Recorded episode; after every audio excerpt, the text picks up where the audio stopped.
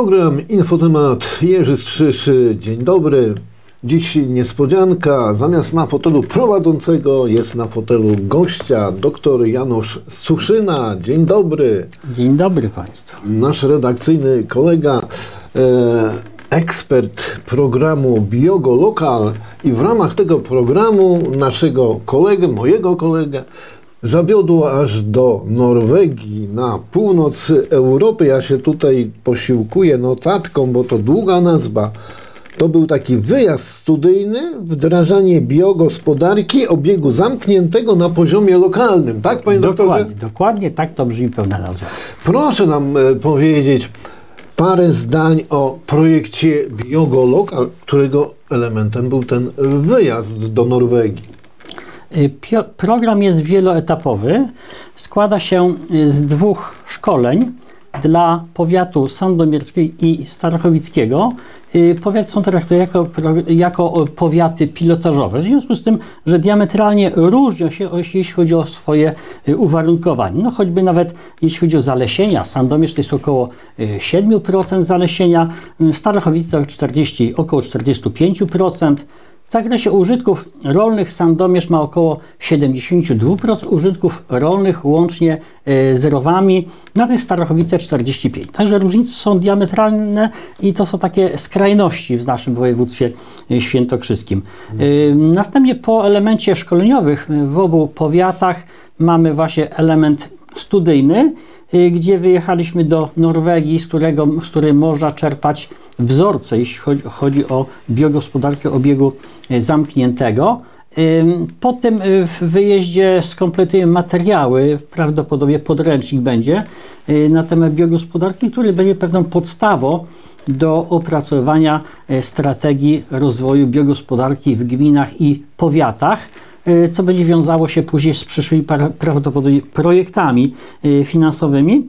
I na końcu nastąpi prezentacja dla wójtów i starostów z powiatu, z województwa świętokrzyskiego na temat efektów, wyników y, projektu celem z, z, y, próby wdrożenia tego, co osiągnęliśmy y, To, co na etapie pilotażowym. tak? Na, tym, na etapie pilotażowym. Ja w zasadzie to powinniśmy rozpocząć y, od tego. Biogospodarka to tajemniczo brzmi może dla niektórych. Co to takiego jest, panie doktorze? Zgadza się. Jest to hasło, które nie dla każdego jest y, jasne, precyzyjne. Biogospodarka. Jeżeli mówimy bio, czy mamy na uwadze obrót biomasy, to co dotyczy biomasy. A jeśli mówimy słowo, drugie y, część tego słowa gospodarka, czy chodzi o gospodarowanie tą biomasą y, z dobrym efektem finansowym, czyli gospodarczym, dla efektu dobrych finansowych, ale z poszanowaniem celów środowiskowych i społecznych. Jeśli mamy na uwadze cele środowiskowe, tutaj pamiętajmy o tym, żebyśmy y, w celach środowiskowych mieścić się to, byśmy w biogospodarce nie y, zniszczyli tego, co jest dobre w środowisku naturalnym, i jeżeli mówimy o środowisku naturalnym, mamy też na uwadze to, co, się, co jest nad nami. Żebyśmy nie przysparzali więcej dwutlenku węgla, yy, żebyśmy nie przysparzali yy, podtlenków, na przykład azotu, które ograniczają yy, lub zwiększają w zasadzie efekt cieplarniany i dzieje się to, co się dzieje. Czyli chodzi o to, byśmy chronili maksymalnie ziemię i w biogospodarce chodzi nam o obrót racjonalny yy, tak zwanymi zasobami nieodnawialnymi, ale odtwarzalnymi. Y, Bo nieodnawialne, y, nieodtwarzalne to mamy na uwadze powiedzmy węgiel, y, gaz czy ropa naftowa, natomiast odtwarzalne, czyli ta biomasa, która trafia do ziemi, ale może być po drodze wykorzystana dla y, dobrodziejstwa naszego bytowania na tej ziemi. Jasne, Bo jasne. wcześniej czy później, jeżeli ją zmineralizujemy, jeżeli utlenimy, no zawsze może ją fotosynteza roślin jak gdyby przywrócić. W związku z tym ten, Tłumaczyliśmy tą ten obieg zamknięty, żeby, żeby on był racjonalny, żeby w tym obiegu to po prostu krążyło, a Będziemy- nie dewastowało środowiska. Będziemy jeszcze o tym mówić. Y, tu padło y, określenie biomasa. Co zaliczamy do tej biomasy? Biomas, do biomasy zaliczamy wszystko, co wytworzyło się, wytworzyło się y, w wyniku fotosyntezy. A więc biomasą, mówię, sprzed lat, milionów jest biomasa, ta nieodtwarzalna, węgiel, węgiel, woda, gaz, to wszystko z biomasy pochodzi, a dziś tam chodzi o biomasę, która jest wytwarzana w rolnictwie, w leśnictwie, rybołówstwie. Nadal nie chce mi pan powiedzieć, co do takiego jest ta biomasa. Słoma, tak? Tak jest. W Co rolnictwie. dalej? Słoma, buraki, ziemniaki, łęty, z, z, mat, cała materia roślinna, która y, jest wytworzona na naszym powiedzmy polu, w lesie, na stawach. Jasne. Dobrze, to wróćmy do tej Norwegii, bo to był cel naszej mm, rozmowy dzisiejszej, główny. Kto był organizatorem wyjazdu? Organizatorem wyjazdu była Fundacja Edukacji y, i Dialogu Społecznego ProSivis y, w Kielcach y, wraz z partnerem norweskim w ramach funduszy norweskich. Mhm, rozumiem. I, i, I była to, wyjazd był dla właśnie przedstawicieli tych dwóch powiatów pilotażowych, którzy uczestniczyli w szkoleniach wcześniej i reprezentowali albo samorządy, albo jednostki organizacyjne, firmy działające w otoczeniu y, produkcji biomasy, czyli lokalna grupa działania, ośrodek doradztwa rolniczego, Świętokrzyska Izba Rolnicza, przedstawiciele biznesu y, z zakresu produkcji y, biomasu, biomasy, czyli wszyscy, którzy mają wpływ na tą, ten obieg zamknięty biomasy. Jasne. To było kilkanaście, kilkadziesiąt osób, takich polskich. To był odwet y, za wikingów? Nie. To była. Nie, no wikingowie się są wręcz dziś dobrze wspominani. Także było No. Mhm. to po 8 osób z każdego, e, z każdego z powiatów. To proszę powiedzieć, na czym polega ta, ta, taki rodzaj gospodarki, ta biogospodarki obiegu zamkniętego. Tak mądrze brzmi, biogospodarka obiegu za, zamkniętego dla zwykłego śmiertelnika.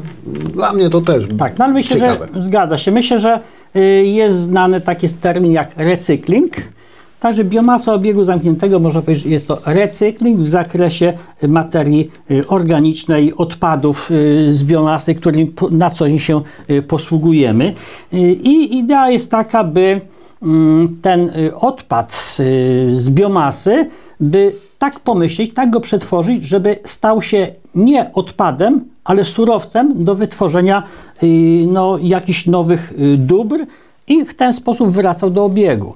Y, No chciałoby się, żeby tu przede wszystkim obracać tu się w obrębie zasobów wyczerpalnych, ale odnawialnych. Czyli to, co mamy dzięki energii słonecznej w zasadzie. Przed wejściem do studia rozmawialiśmy i powiedział pan, że to, co dała Ziemia, ma wrócić do Ziemi, tak? Takim, Tak, dosłownie. I jeżeli no, nieodzownym elementem tutaj jest rolnictwo produkcji biomasy, bo jednak to, co jemy, wiele rzeczy żywimy, to jednak jest produkcji rolniczej. No, jakaś tam część z, z, rolni, z leśnictwa, jakaś tam część ewentualnie z leśnictwa. I tu by chodziło o to, żeby ta biomasa w tym cyklu zamkniętym w postaci mm, no, choćby próchnicy z, z kompostowni wracała z powrotem do ziemi. W związku z tym ta materia organiczna z ziemi wyszła, spożytkowaliśmy i do ziemi wróci. Proszę mi powiedzieć, proszę nam powiedzieć, dlaczego Norwegia? Bo ładny No, kraj, nie? Bo Norwegia tak turystycznie też można było jest się tam... ładny, ale myślę, że przede wszystkim jest doskonałym wzorcem, jeśli chodzi o biogospodarkę obiegu zamkniętego. No, choćby nawet tylko 2% odpadów ma charakter y, no, y, nierecy- nierecyklingowalny. Tylko 2%. W związku z tym w zasadzie tych odpadów można powiedzieć, że hałt i tak się nie widzi. Faktycznie tak tam jest. Y, Drewno, które jest zużywane do czegokolwiek, czy w budownictwie, czy w meble, wszystko znajduje swoje miejsce. Drewno, które nie jest politurą, no, znajduje miejsce w zrębkowaniu, a następnie odzyskiwaniu energii, a finałem uzyskujemy węgiel drzewny. Jasne. W związku z tym wszystko jest wykorzystywane. Biorąc pod uwagę to, co tam jest, no wyraźnie nam brakuje przede wszystkim biogazowni. Yy, Tam w zasadzie wszystko, co jest półpłynne, odpadki z jedzenia, półstałe, wszystko znajduje miejsce w biogazowniach. No a gaz jest wykorzystany, wiadomo, na, na energię. Następnie choćby nawet prawie 100% energii pozyskiwany jest z odnawialnych źródeł energii. Około 90% energii to jest energia wodna. No, myślę, że przede wszystkim to wynika z tego, że yy, no, jest taka Położenie. topografia, jest taka geografia, W zasadzie węgiel tam jest prawie, prawie nieużywany. Ogrzewanie domów, co ciekawe, to głównie elektryczna. No ale tą energię trzeba wyprodukować, No żeby tak, była no, ale elektryka. mają może Norwegowie chyba nie kupują energii, tak, mi się jak wydaje. mówię, mają dużo energii wodnej y, z biogazowni.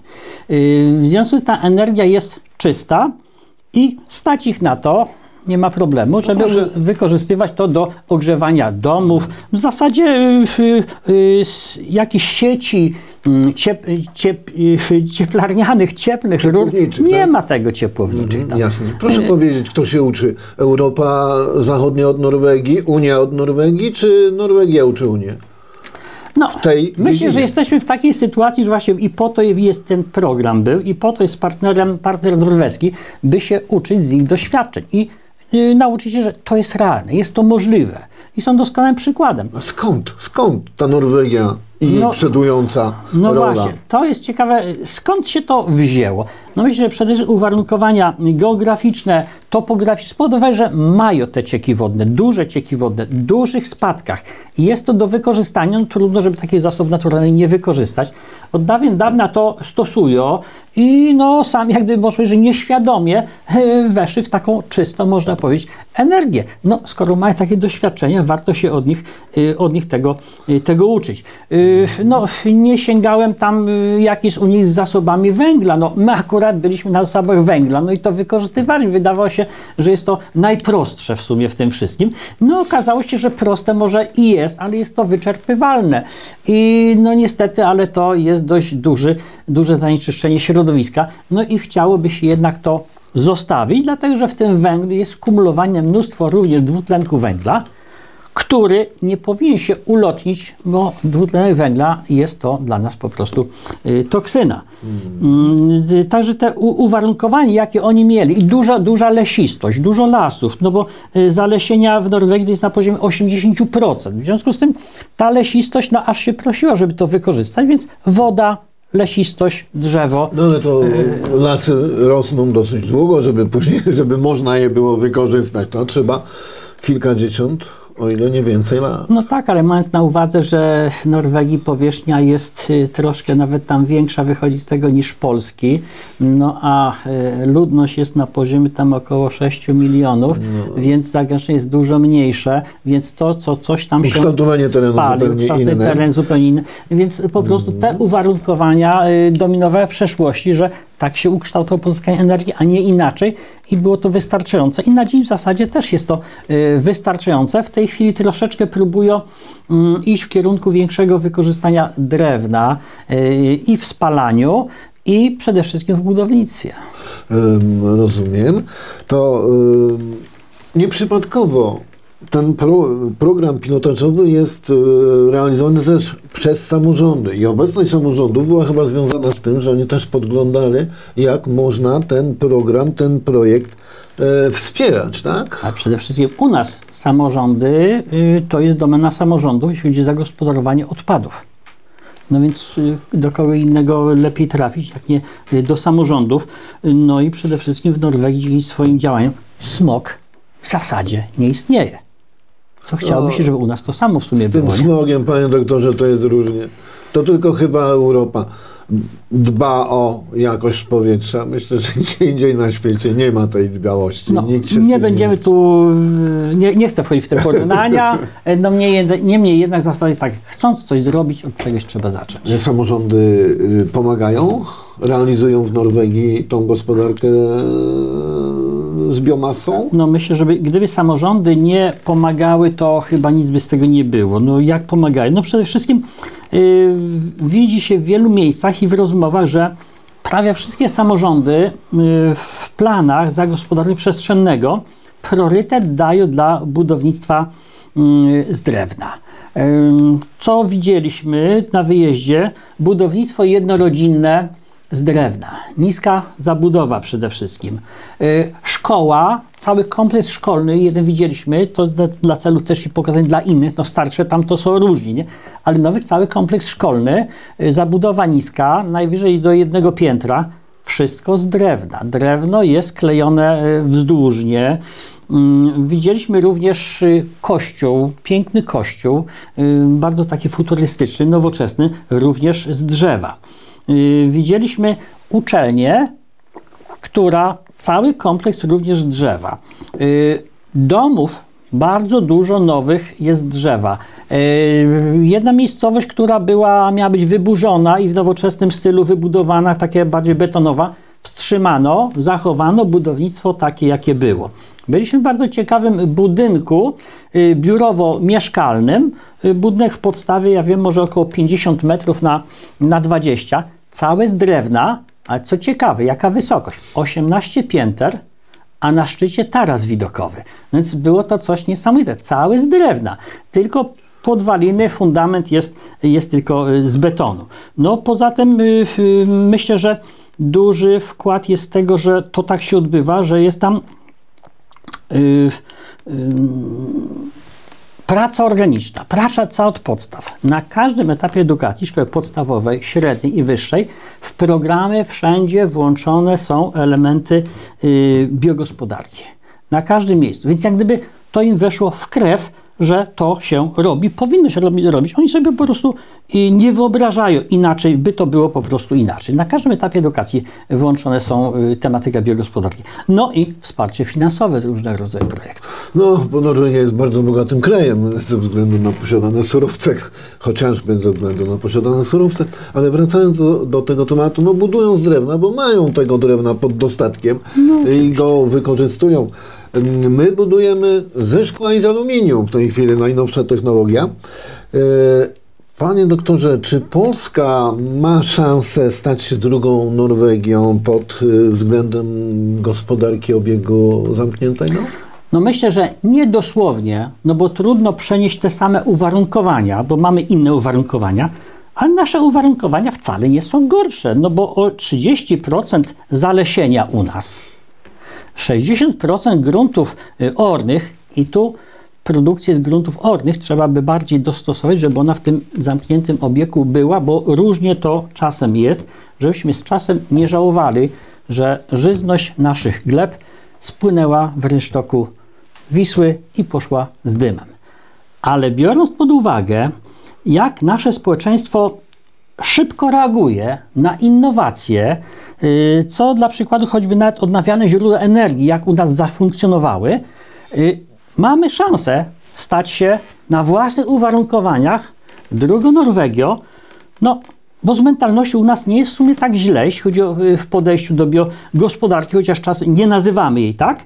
Wystarczy tylko przełamać bariery prawne, które są na dziś chyba największą przeszkodą, y, byśmy to y, realizowali i tą drugą Norwegią w cudzysłowie się stali. Y, No ja tak y, przypominam sobie protesty społeczne przeciwko budowie biogazowni. Czyli to tutaj potrzebna jest chyba edukacja i przekonanie ludzi, że to nie jest takie złe rozwiązanie dla, dla wszystkich. No było wielu pasjonatów, którzy myśleli o biogazowni. Nawet jeździliśmy na przykładowe biogazownie, y, wyjazdy studyjne dla producentów na Śląsku, piękne biogazownie, ale biogazownia opiera się na fermentacji y, beztlenowej. Jeżeli to jest y, budynek, obiekt szczelny, no nie ma prawa się wydostawać nic zapachów. Natomiast jeżeli jest kompostownia, tam jest warunek natlenianie, tam jest fermentacja i życie biologiczne tlenowe, więc tam zapachu też nie powinno być. Jest obiekt dobrze wykonany, Mamy u nas yy, no, koło Baćkowic jedną biogazownię. Tak, jak się I- jedzie do Kielc drogą Tak. No i możemy się 7-4. przyjąć. Czy, czy, czy y, czułeś kiedyś, jak jechałeś tamtędy, jakieś zapachy? No nie, no ale ludzie mówią, że będzie śmierdzieć, nie? No, będzie, no, ale nie że, śmierdzi. No nie śmierdzi, ale wiadomo, że jakaś tam awaria może nastąpić i no niestety to No. będzie. Ale to, to, jest tylko takie... awaria, no ale tam jest z tego co wiem, to jest trzy zbiorniki fermentacyjne, więc zawsze któryś może być zas, zastąpiony drugim, ewentualnie służyć jako awaryjny, bo nie wiesz, że wszystkie zbiorniki są tam po prostu na e, pełną moc wykorzystane. Y, No ale póki co funkcjonuje na naszym terenie, może jechać na inny teren, gdzie fu- funkcjonuje 5-10 lat i to samo się dowiemy. Przekonują Jeżeli jest się dobrze zrobione, dobrze jest to nadzorowane, mm, to nie ma problemu, bo, bo inaczej ta fermentacja tej biomasy będzie się odbywała w rozproszeniu. a tak to możemy ją skoncentrować i z fermentacji biomasy możemy uzyskać ten, y, ten y, biogaz i używać go do, do różnych celów. W obiektach, gdzie byłem y, w Norwegii, w zasadzie na potrzeby ogrzewania, tam gdzie jest składowisko śmieci, jest y, segregacja, jest, jest biogazownia. No z biogazowni w zasadzie ten biogaz im wystarczy do ogrzania wszystkich budynków, wszystkich obiektów i zrobienia yy, biogazu do zasilania wszystkich samochodów, śmieciarek, którymi posługuje się ta firma. Czyli nie trzeba protestować przeciwko no, nowinkom i odnawialnym źródłom energii. Trzeba po prostu ludziom to wytłumaczyć. Edukacja, edukacja, edukacja, tak, panie doktorze? No, mamy do wyboru albo życie, albo zagrożenie życia. No właśnie, tak to zabrzmiało. Janusz Suszyna, nasz redakcyjny kolega, był dzisiaj jako ekspert od biogospodarki. Dziękuję panie doktorze. Dziękuję. Do usłyszenia, do zobaczenia. Słuchajcie nas na podcastach